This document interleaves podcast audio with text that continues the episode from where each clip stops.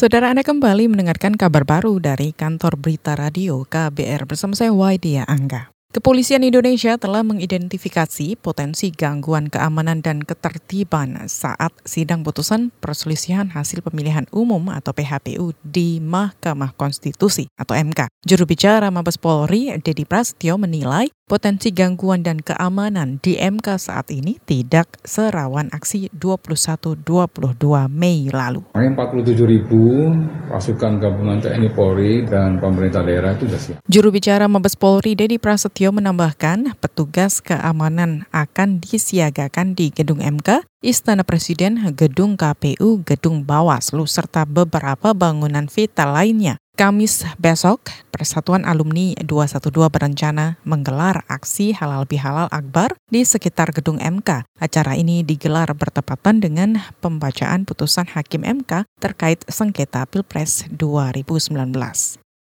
Kita ke berita selanjutnya.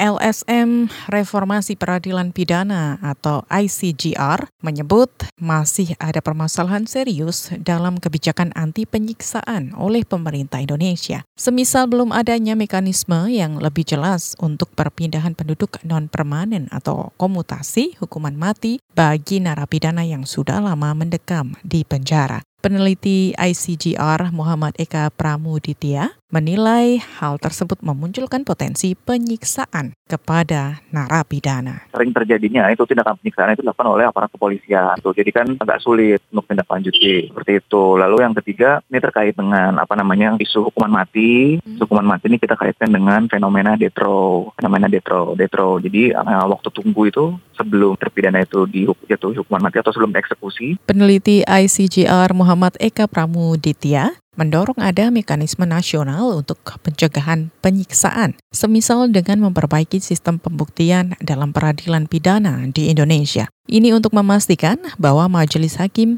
tidak menjatuhkan pidana berdasarkan bukti yang didapatkan dari proses yang melawan hukum.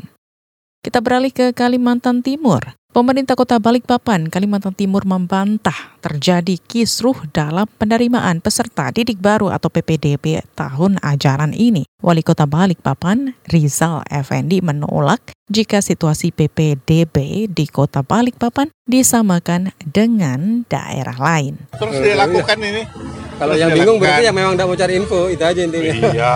Semua gitu. sudah dilakukan. Sudah gitu kan. Di sekolah ada, di kelurahan ada. Suasananya seperti ini di beberapa daerah, ya jangan terpengaruh. Tidak ada masalah ya Pak kalau balik Iya tentu tetap ada masalah, tapi kan kita upayakan agar masalahnya ya hanya dinamisasi dari situasi tidak berkembang seperti di beberapa daerah yang agak ribut begitu. Itu tadi Wali Kota Balikpapan, Rizal Effendi. Sementara itu, Kepala Dinas Pendidikan dan Kebudayaan Kota Balikpapan, Muhaimin, menambahkan situasi PPDB di Kota Balikpapan jauh lebih kondusif dari daerah lain. Menurutnya saat ini masyarakat sudah mulai memahami aturan yang diterapkan berdasarkan peraturan Menteri Pendidikan tentang PPDB di mana ada sistem zonasi, prestasi, dan bina lingkungan.